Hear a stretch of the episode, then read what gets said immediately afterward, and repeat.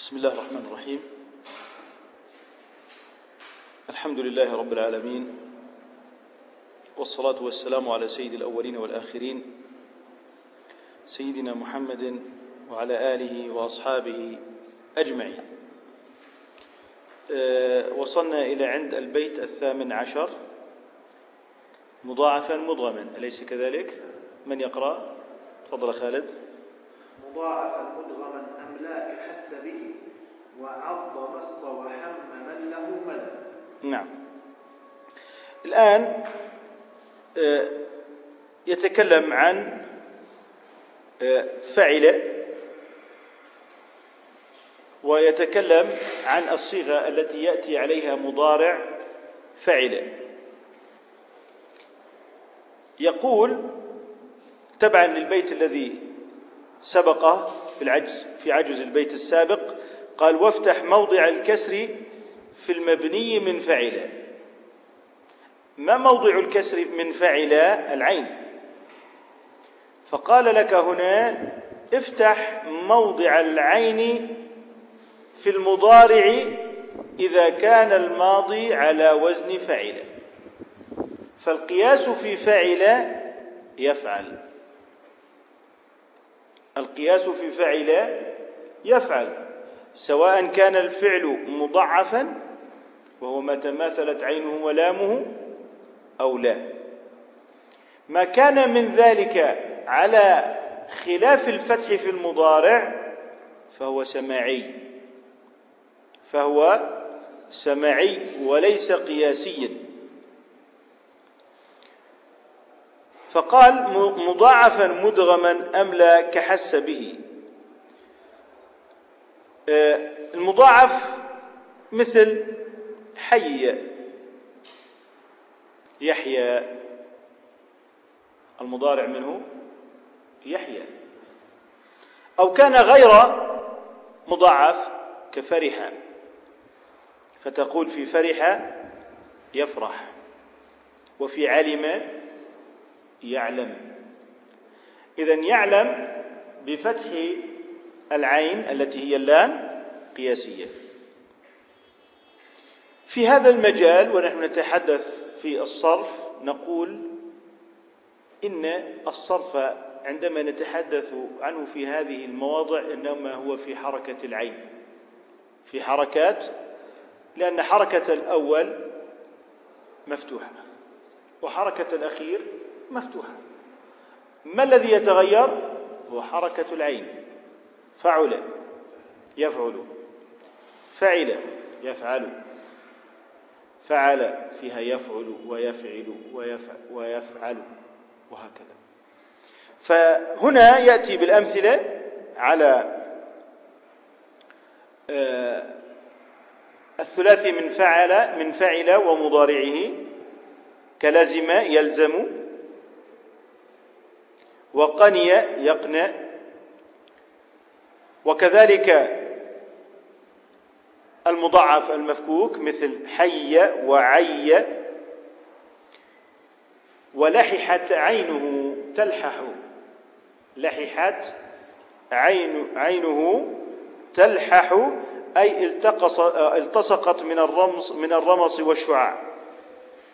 التصقت عينه.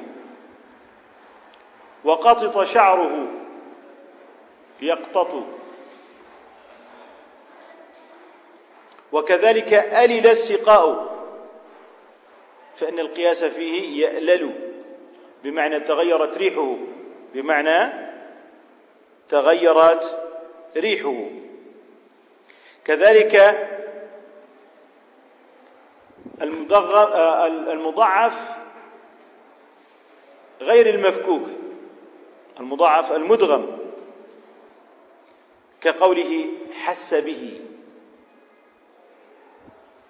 من الحواس الخمس. وفيه أيضا الرباعي. حس بالشيء وأحس بالشيء. ومنه قوله تعالى فلما أحس عيسى منهم الكفر قال من انصاري إلى الله. وأحس قد يخفف. فيصبح أحس. فيصبح إيه؟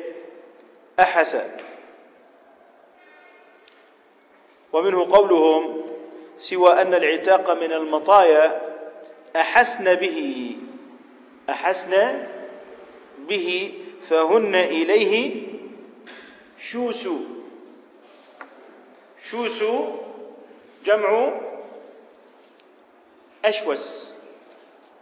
وأشوس تجمع على أشاوس والأشوس هو الذي ينظر إلى عدوه بطرف عينه. تصغيرا للعدو. إذا الأشوس هو الذي ينظر إلى عدوه بطرف عينه تصغيرا له. ومنه كلمات الشاوس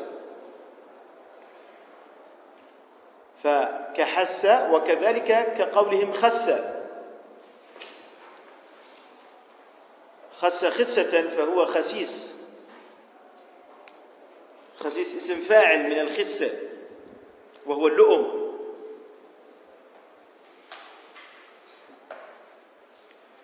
هذه خسة تأتي على حالين. حال تأتي خسس يخسس. وقد تكون خسس. يخسس.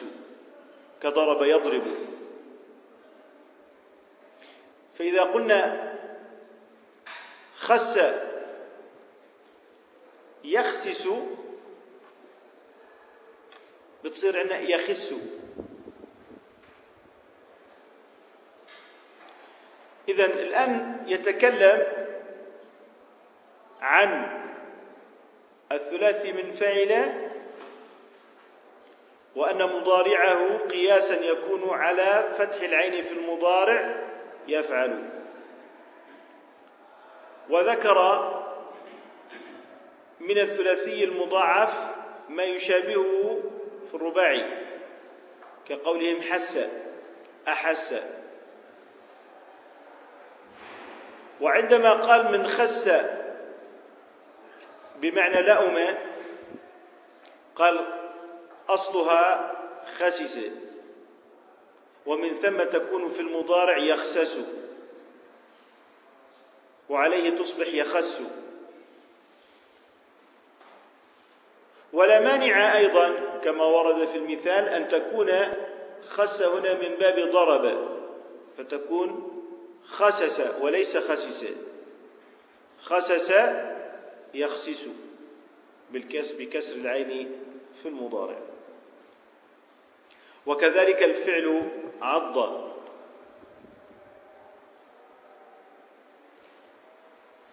وهو متعدي بقولهم عضه وعض عليه. يعني في قوله تعالى يوم يعض. أي يعضد. يعض جاءت العين هنا مفتوحة. لأن الماضية على عضد فبتقول يعضد.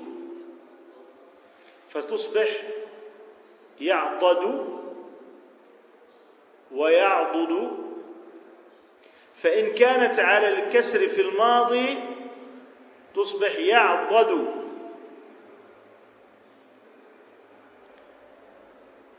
إذا كانت مكسورة العين في الماضي تصبح يعضد.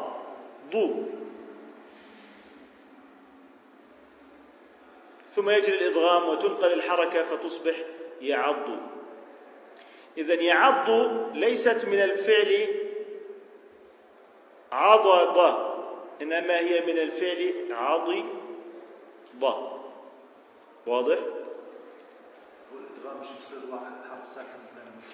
آه، قطعا عند الإدغام لا يتضح لنا الفعل هل هو مكسور العين في الماضي أم لا كقولنا عض هل هي مكسورة العين في الماضي؟ لا يتضح من الإدغام هي مفتوحة مفتوحة العين في الماضي؟ لا يتضح ذلك لا يتضح أو لا تتضح حركة العين إلا إذا فككنا الإدغام فنقول عضض بالكسر وهو موضوع باب الحديث وبتكون وتكون في المضارع يعضد وتصبح يعض تصبح يعض. لكن لم تتضح لنا حركة العين بسبب الإدغام. ومنه قوله صلى الله عليه وسلم عضوا عليها بالنواجذ. عضوا عليها بالنواجذ. إذا عض بإهمال الأول أي إهمال حرف العين. نقول الإهمال أي عدم المقابل الإعجام وهو وضع النقطة. وعندما يقول وإعجام الثاني أي وضع نقطة إذن هذه عضة. أما بإهمال أما بالعكس وهو إهمال الثاني وإعجام الأول فتكون غصة. فتكون غصة فهو غاص. وغصان بالماء أي معناها شرق. شرق. أي شرق بالماء. ومنه قول الشاعر ولو بغير الماء حلقي شرق كنت كالغصان بالماء اعتصاري. نأتي إلى الكلمة مص مص باهمال الصاد. تقول مصه متعدي. أصل الفعل مسص وليس مصص. أصل الفعل ماذا؟ مسص.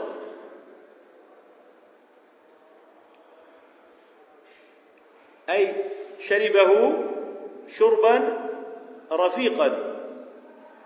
شربه شربا رفيقا. ومنه أيضا وقد يأتي مفتوح العين في الماضي مصصا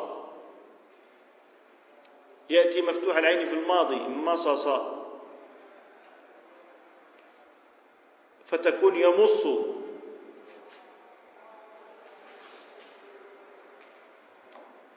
أما إذا كانت بالإعجام أي إعجام الثاني مض كما ضدت مضضا ومضيضا أي تألمت. وكذلك يتعدى بالفتح كقوله مضضته أي آلمته. وبالهمز كذلك يتعدى كقوله أمضته أي آلمته. ووصفه ماذا يقصد هنا بالنص ووصفه؟ الوصف هنا عندما يتكلم على قوله ووصفه في علم الصرف أي اسم الفاعل منه. معنى ووصفه إيه؟ يعني اسم الفاعل منه. مض.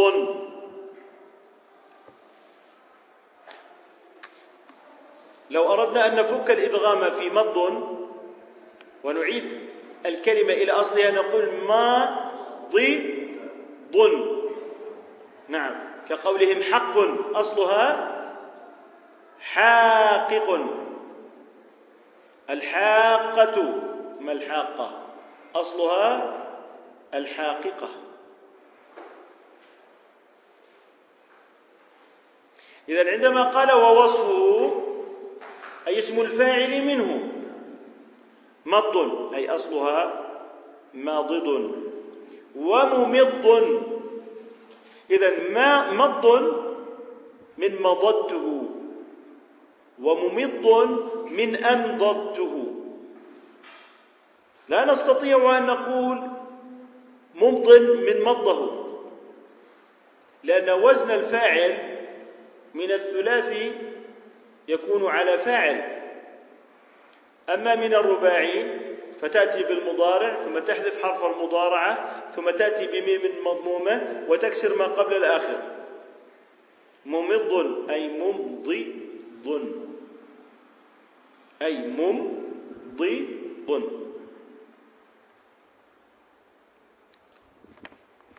قال وحمى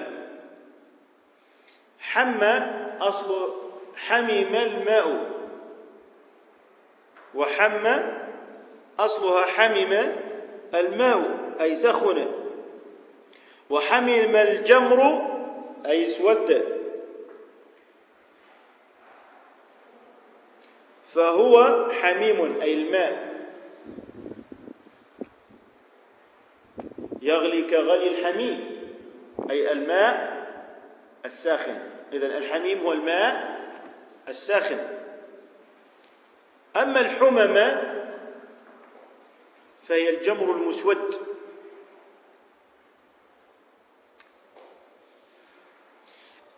إذا حم الماء أصلها من حمم فنقول حمم الماء يحم. حمم الماء يحم. أي سخن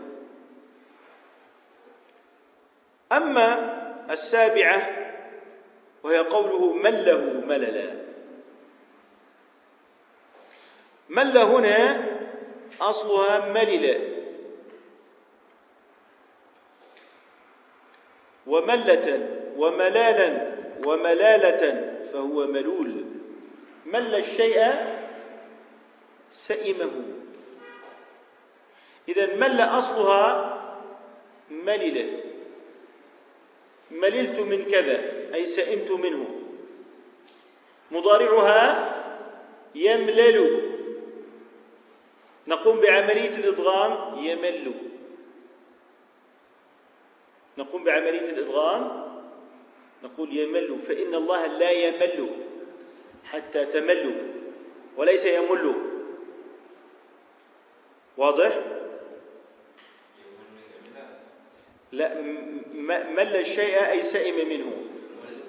يمل لأن الأصل قلنا إذا كانت العين مكسورة في الثلاثي فإن المضارع على سبيل القياس منها أن يكون مفتوحا مفتوح العين في المضارع.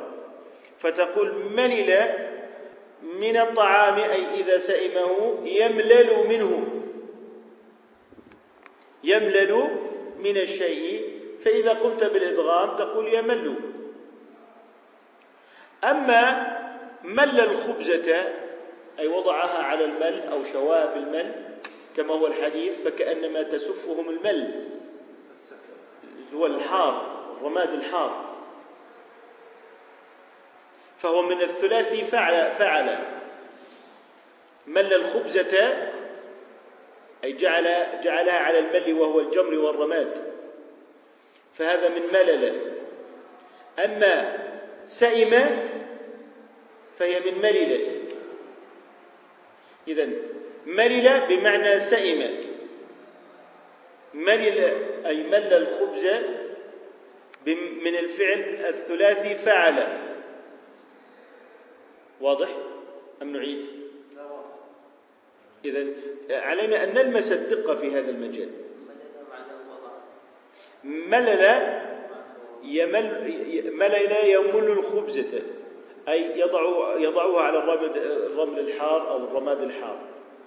أما مل من الشيء الذي هو السأم فهو من الفعل ملل. أما مل الخبزة بمعنى جعلها على الرماد الحار فهو من الفعل ملل. وفرق بين المعنيين وبين الصيغتين. قال لا مل الخبزة فمفتوح أي ملل. لا مل الخبزة فمفتوح أي ملل. البيت التاسع عشر عثمان.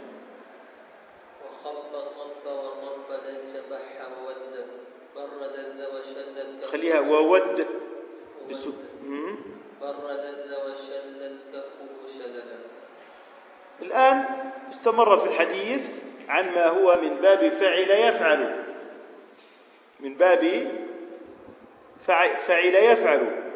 قال وخب أي خدع. خب أي خدع. فهو من خبب. والمخادعة أو الخداع الخب الخادع. نعم. ومن الحديث لست بالخب. ولا الخب يخدعني. إذا فهو أو فهو خب لست بالخب. الحديث فيها لا, لا لست بالخب. ولا الخب يخدعني. الخب شو هو نوع من انواع لا اسم فاعل. اسم اسم فاعل من خابب. بس هو إيش؟ نوع من أنواع الحيوانات. لا هو ممكن غلب وصفا على حيوان يعرف بالخداع لكن هو أصل الكلمة خبب يخب خابب. فنلجأ هنا إلى صياغة اسم الفاعل خابب. أليس كذلك؟ فإذا قمنا بعملية ال- ال- الإدغام بتصير خب. خب. مثل حق. ألم نقل في السابق حق أصلها حاقق والحاقق والحاقة أصلها الحاققة اسم الفاعل ومض أصلها ماضد. كذلك هنا خب. أصلها خابب واضح؟ ف لكن ما قلناه أن الخب أيضا مو... الحمد لله رب العالمين. يهديكم الله سبحانه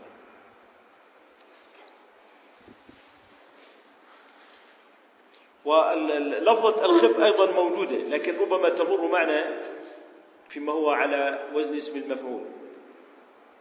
فيما هو على وزن اسم المفعول. ثم قال صب. أصله صبب. صبابة. فهو صب أي عاشق. أي إيه؟ إذا صب من يفكك لنا صب ويعيدها ويعي- ويعيدها إلى سيرتها الأولى؟ صب. صبب.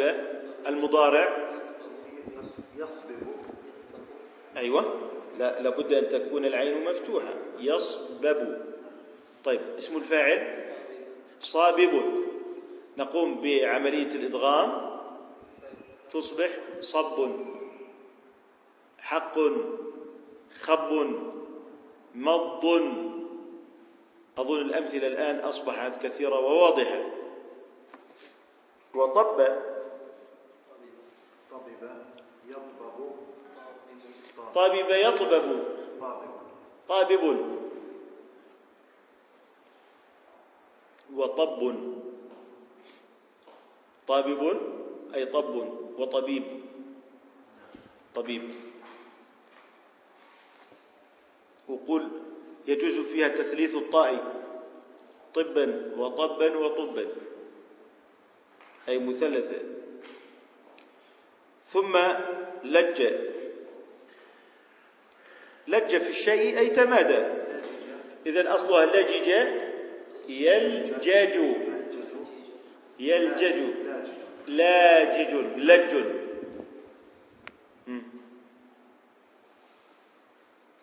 لو أردنا أن نقوم بالإضغام في يلجج نقول يلج.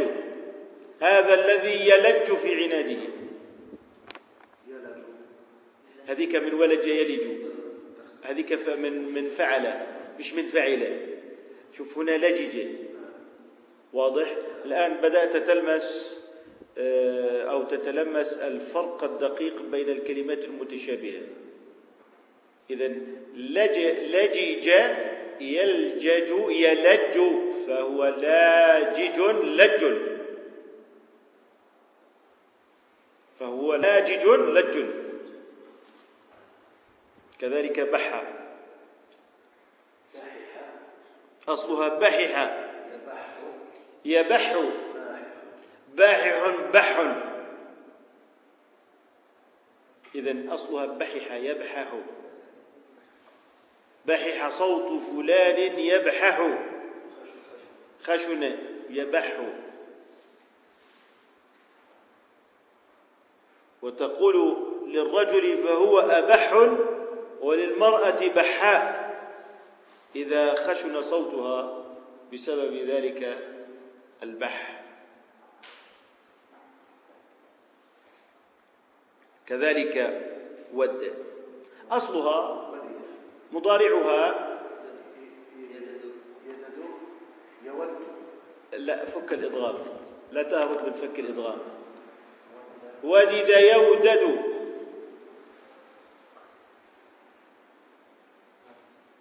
انتبه إلى العين. الياء حرف المضارعة زائد. يودد. الياء وهي حرف المضارعة زائدة. الواو الواو تمثل فاء الفعل. الدال الأولى تمثل عين الفعل. الدال الأخيرة تمثل لام الفعل. ونحن علينا أن نفتح عين الفعل التي هي الدال الأولى. فتقول يودد. ودد يودد. وادد واد. ممكن. ود نعم. وادد ود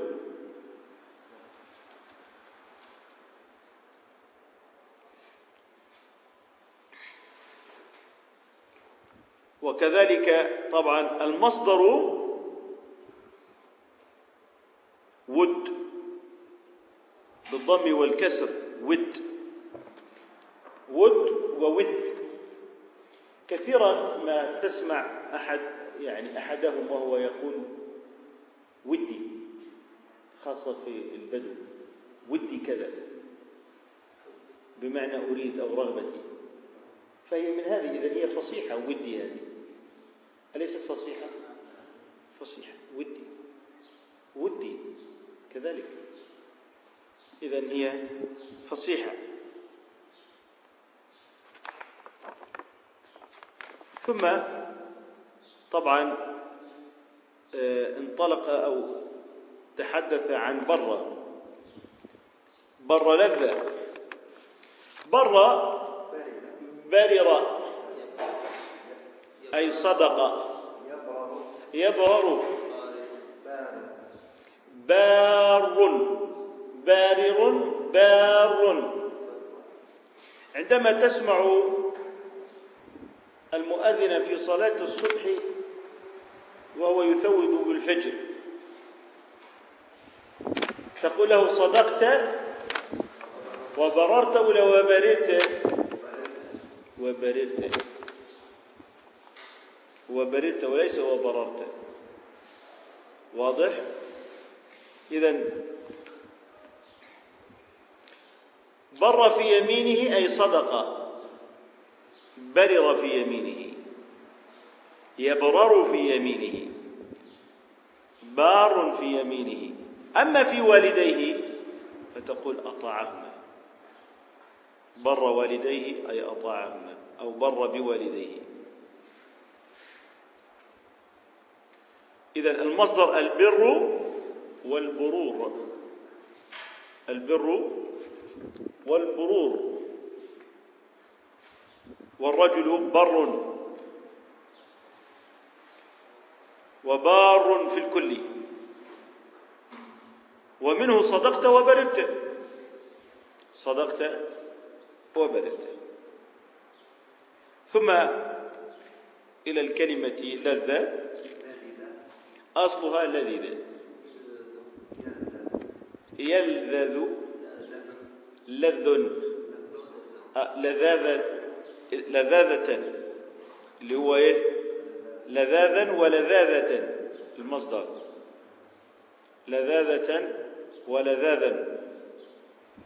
فيقول لذ الطعام أصلها لذذ. لذذ الطعام أي صار شهيا فهو لذيذ. ثم قال وشلت كفه. نعم. لذذته على التعدي أي وجدته شهيا. لذذت الطعام أي وجدته شهيا. هنا لذذت الطعام متعدية هناك لذذ لازمة لذذ الطعام لازم فعل لازم لا يأخذ مفعولا. لكن لذذت الطعام أي وجدته شهيا. ثم قال وشلت كفه شللا إذا أصلها شللت كفه. أصله شللت كف كفه تشلل. إذا القياس على فتح العين في المضارع.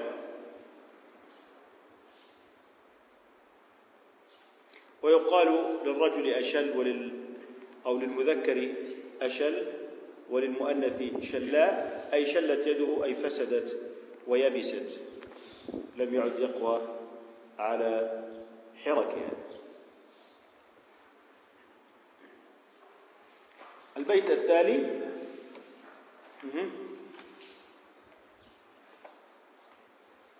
قرت وحرى مر مسها الشله وبش سف وشم ظن مع زل- زللا وظن مع زلل. وظن مع زللا نعم. الآن قرت عينه هل هي من فعل أم من فعل؟ قرر مم. وكذلك إذا قرت عينه قررت عينه تقرر. إذا القياس الفتح في المضارع. أي بردت سرورا فهي قارة. فهي إيه؟ ويقولون دموع الفرح باردة ودموع الحزن. ساخنة فذلك يقول قرت آه، يعني بردت وأصلها من قررت عينه. وقر بالمكان أي سكن سكن فيه ومكث. وجاءت كذلك كضرب أي جاءت قرر يقرر. لما نقول جاءت كضرب أي على نحو ضرب ضرب مفتوح العين في الماضي ومكسور العين في المضارع. فإذا نقول قرر قررت عينه تقرر. وقررت عينه تقرر.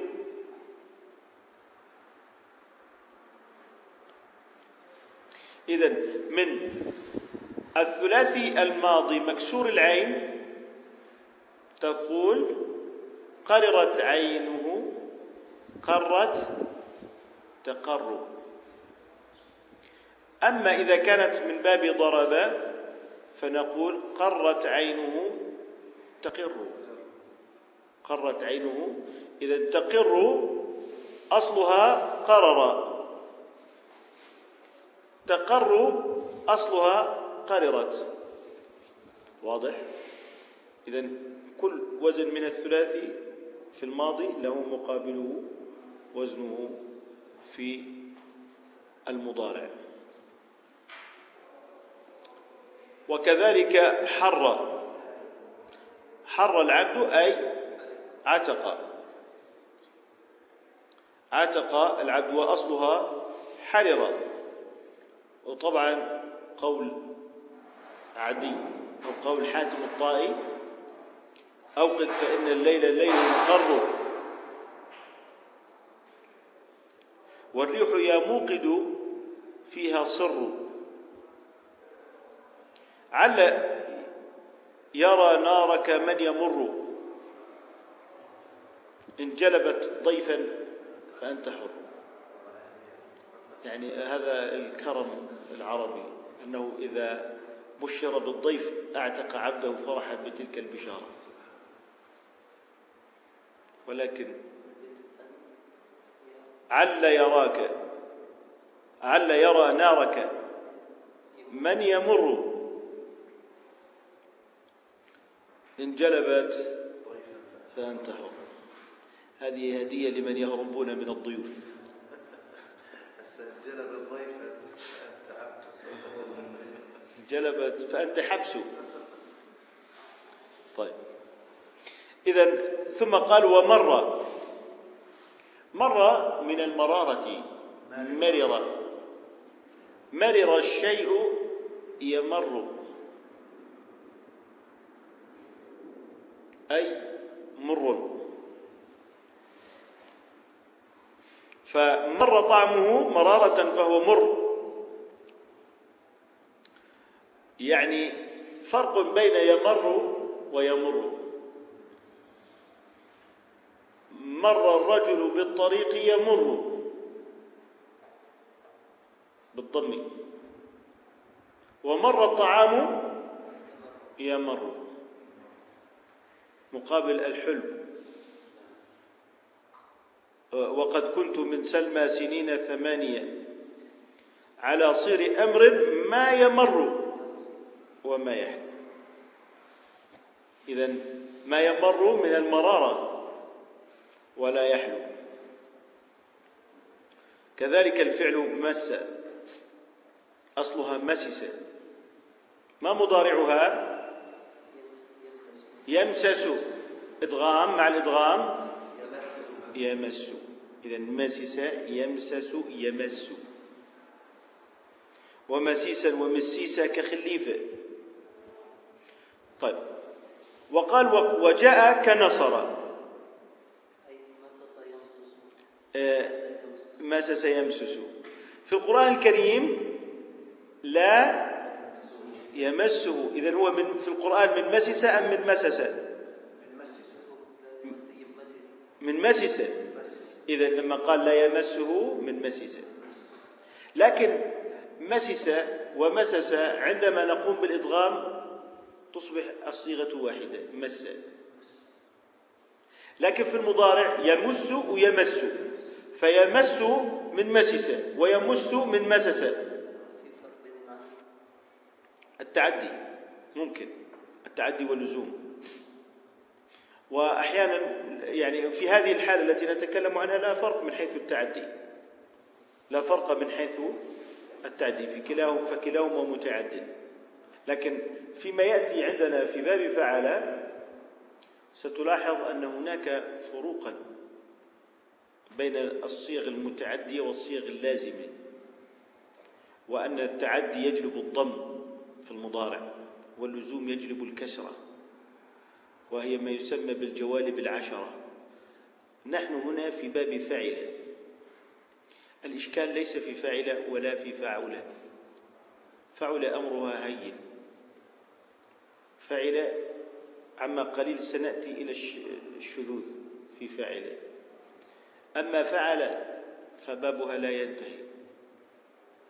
فقالوا شبهوا آه، معالجة ابن مالك لتصريفات الأفعال الثلاثة فعل وفعل وفعل بثلاث نقط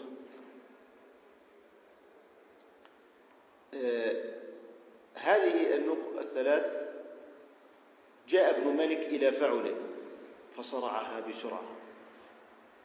فهي سهلة. ثم جاء إلى فعل.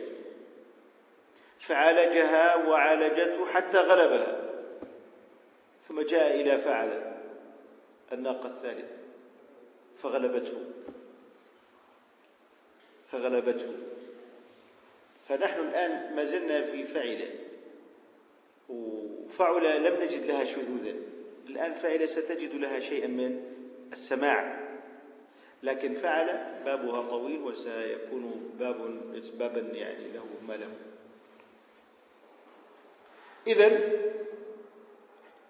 قلنا آه، لا يمسه.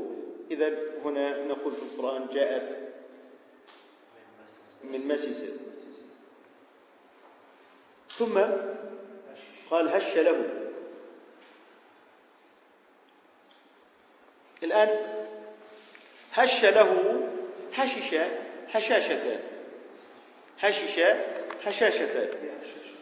يهشش. هاشش هش.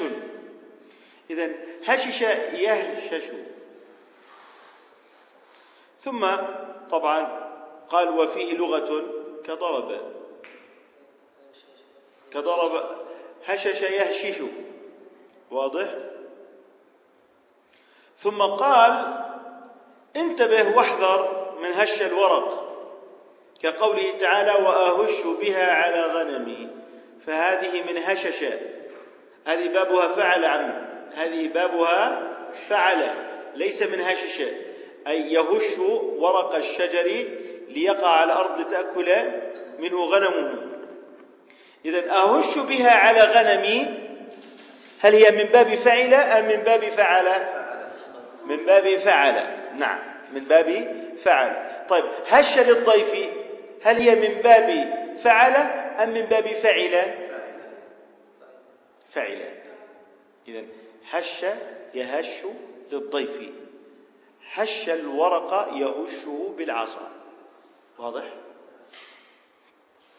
إذا هنا تتمايز الصيغ وتتضح الكلمات فيما إذا أعدناها إلى باب فعل أو أعدناها إلى باب فعل أو أعدناها إلى باب فعل ثم طبعا بش أصلها بشش بشش هذا كله من باب فعل نعم بشش وجهه بشاشة أي أظهر السرور. ومنه الحديث إنا لنبش إذا الحديث لنبش حديث النبي صلى الله عليه وسلم إنا لنبش في وجوه أقوام أو في وجوه قوم وقلوبنا تلعنهم لما قال لنا بش هل هي من باب بشش أم بشش بشش لذلك جاءت العين مفتوحة في المضارع. إذا استدلنا على أنها من باب فعلة لأن الرسول صلى الله عليه وسلم قال إنا لنبش سف أي سف الدواء سفا. إذا من باب سفف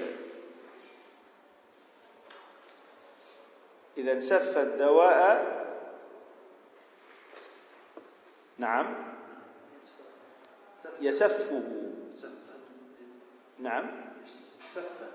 سفا نعم. ثم تكلم عن شم قال وشم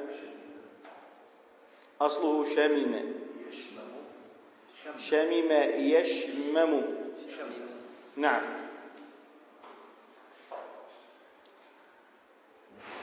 أي شمه شما وشميما وشميما قال وجاء كنصر أي شم يشم. أي شمم يشمم. شمم يشمم. طب شمم يشمم نعم.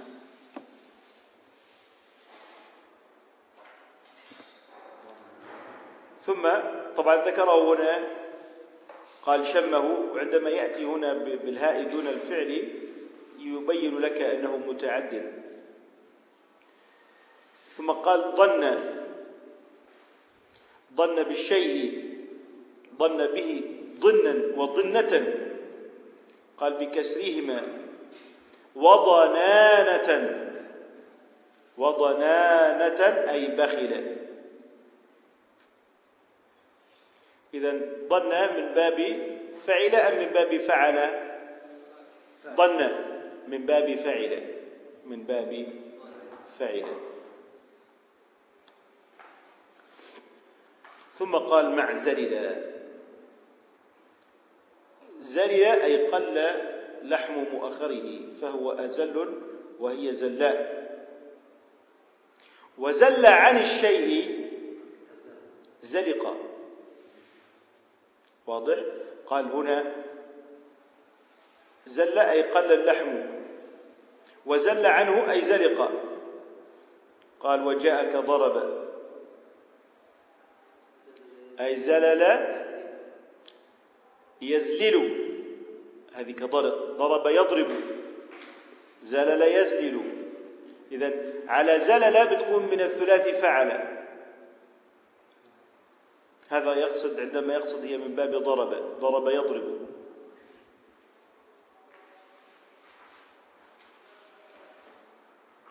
وثم يقول من هذا الضرب بذ بذاذة سأت حاله.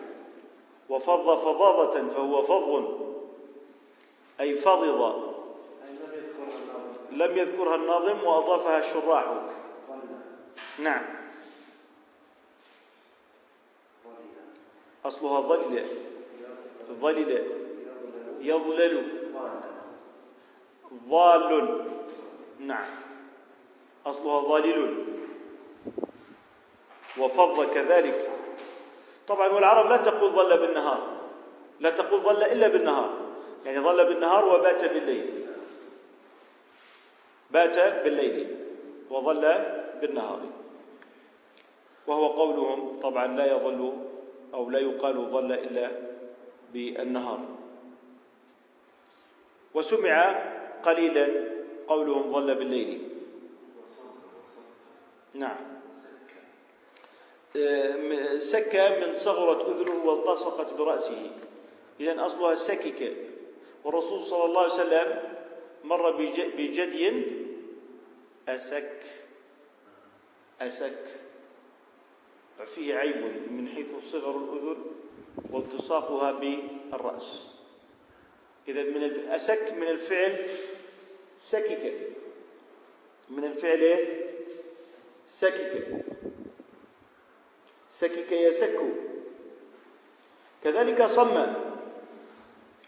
صممت أذنه. من يأتي بالمضارع؟ يصمم. يصمم. مع الإدغام؟ يصم. صمم يصمم يصم.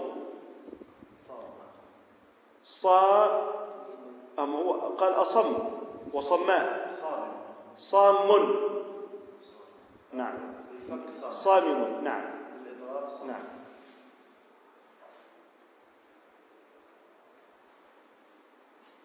وكذلك قولهم غم. وهو الأغم من سال شعره على جبهته. وكذلك زب أي كثر شعر رأسه. الآن تكلم أن هذه وجوه التي مرت سابقا هي بوجه واحد. مكسورة الفاعلة والمضارع منها مفتوح العين. انتقل الآن ما فيه الوجهان. فيه القياس وهو فتح العين وفيه السماع وهو كسر العين. في المضارع ونحن إذا نتكلم هكذا نتكلم في المضارع فقط. فكل حديثنا في باب فاعلة كل حديثنا في باب فاعلة ثم قال من يقرأ هذا البيت؟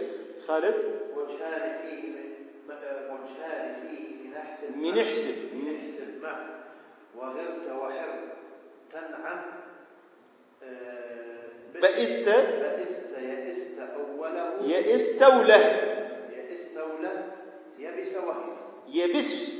يبس وهلة. وهل وجهان فيه من احسب. مع وغرت وحر. ت. وحر. تنعم. بئست يئست وله يبس وهل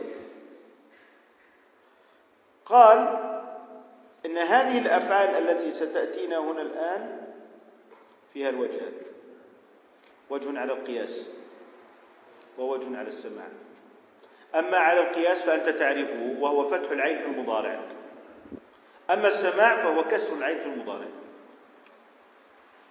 فقال وجان فيه من احسب من حسب أي بمعنى ظن. وهي حسبانا وحسبانا. وبه قوله تعالى أم يحسبون؟ والقراءتان المعروفتان يحسب أن ماله أخلده يحسب أن ماله أخلده. إذا الثنتين متواترتان وخالد يعرف ذلك ويمكن أن يضيف يعني جزاه الله خيرا في هذا الباب. إذا عندما تقرأ يحسب في كتاب الله عز وجل وتقرأ يحسب هل الجذر واحد؟ المجرد منهما واحد؟ هو حسب حسب لكن المضارع يختلف. المضارع اختلف أيهما على القياس وأيهما على السماع؟ أحسنت جميل. هذا واضح. إذا آه، لكن إذا هذا حسب. باب يحسب. طب لو قلنا أنه يعد الأرقام هل هو من باب حسب ولا يحسب؟ يعني إذا كان رجل يحسب. إذا هذاك من الثلاثي فعل. حسب يحسب. من باب حسب. يحسب ويحسب. واحدة على القياس وهي الفتح والأخرى على السماع وهي الكسرة أما بالعد حسب يحسب.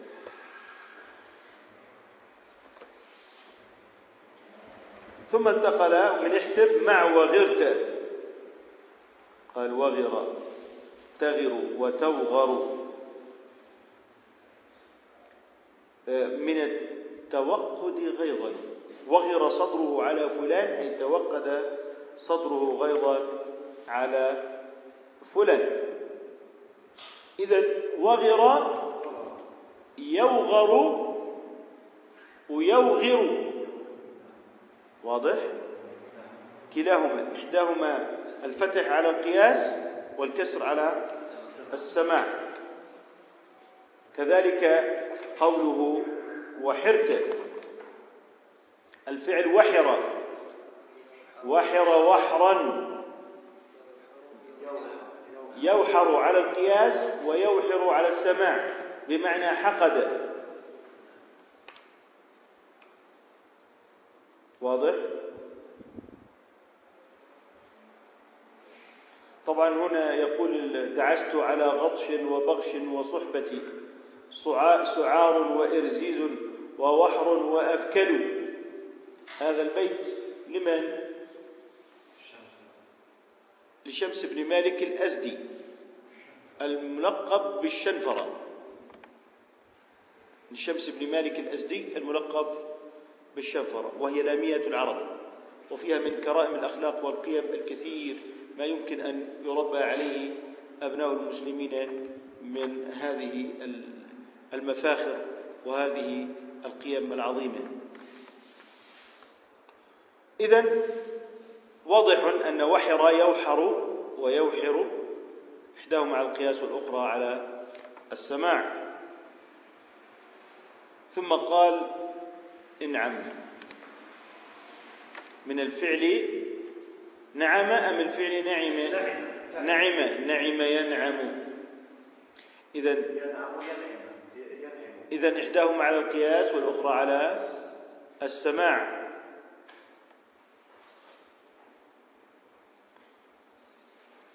آه، طبعا يفرق بين النعمة والنعمة والنعمة. قال ولرفاهته يقال النعمة وما أنعم به فهو نعمة. وقرة عين سماها نعمة دمت قرير العين في الأحباب.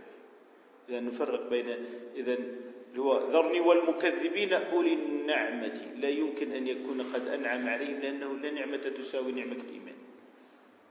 فهؤلاء من ذوي الرفاه. والتنعم والتلذذ بالدنيا مما صدهم عن السبيل وأغراهم بطول العمر ونسوا واجبهم وفرضهم. ثم قال بئس إذا بئس يبأس على القياس أما على السماع فهو يبئس يبئس.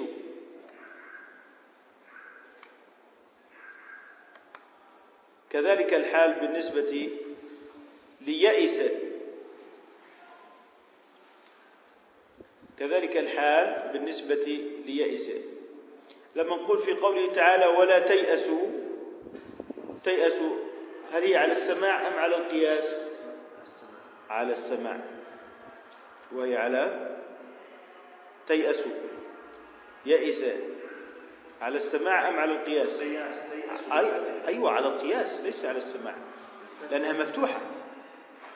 إذن هي على القياس. واضح؟ ثم ولها اللي هو الفعل أولى. نعم وهو ذاهب العقل من الحب. الواله والولهان الذي ذهب عقله بسبب الحب. إذا ولها يوله. أما السماع فهو يوله. نعم. ثم بعد ذلك يبس ما هو القياس من يبس يلبس يبس ييبس ييبس ييبس ييبس طيب ما هو السماع؟ ييبس ييبس الكسر.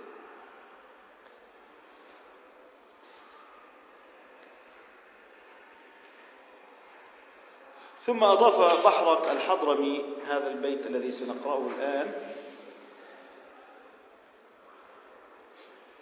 اقرأ يا عثمان بيت بحرك رقم 22 ومثل يحسب ذي الوجهين من فعلا يلغ يدغ يلغ. يبد تحم تحم الحبل اشتهت أكلا. أكل أكلا. تحم الحبلى تحم- اشتهت أكلا تحم الحبل اشتهت أكلا نعم.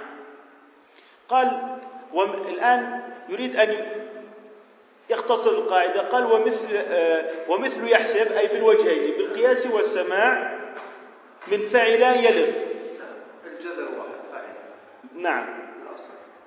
ولغ الكلب يلغ ويلغ يلغ ويلغ. بالفتح على القياس وبالكسر على السماء السماع يعني هذه الكلمات تتم لما سبق بالضبط. ما زلنا مستمرين. وقيل إن ولغ أيضا منه الثلاثي. بدل ولغ يلغ ويلغ أيضا مثل وهب. وهب يهب ولغ يلغ.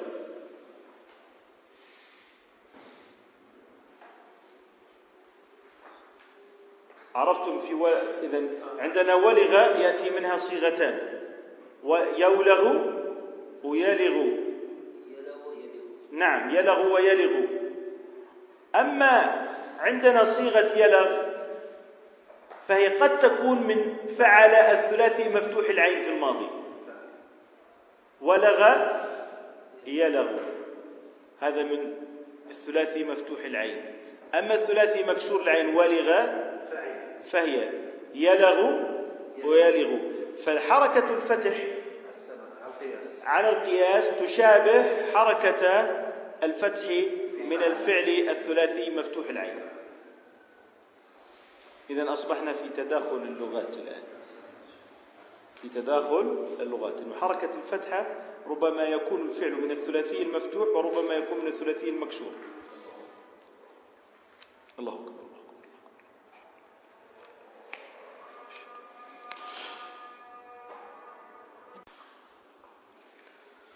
بعدما انتهينا من ولغ قال يبق. يبق أي يهلك وأوبقه أهلكه ومنه الموبقات. وقوله الناظم والموبقات التي عن مسلم رويت نعوذ بالله هذا البيت جامعها شرك وسحر وقذف والفرار ربا مال اليتيم وقتل النفس سابعها. إذا هاي من وبق يوبق يوبق. كذلك وحم وحمت الحبلى توحم. وتوحم. إذا تحم وتحم أي اشتهت طعاما وأكلا. وهذا معنى تحم الحبلى اشتهت أكلا. وأكل جمع أكلة. نكتفي بهذا القدر اليوم ونسأل الله سبحانه وتعالى أن يعلمنا وأن يفهمنا. سبحانك اللهم وبحمدك نشهد أن لا إله إلا أنت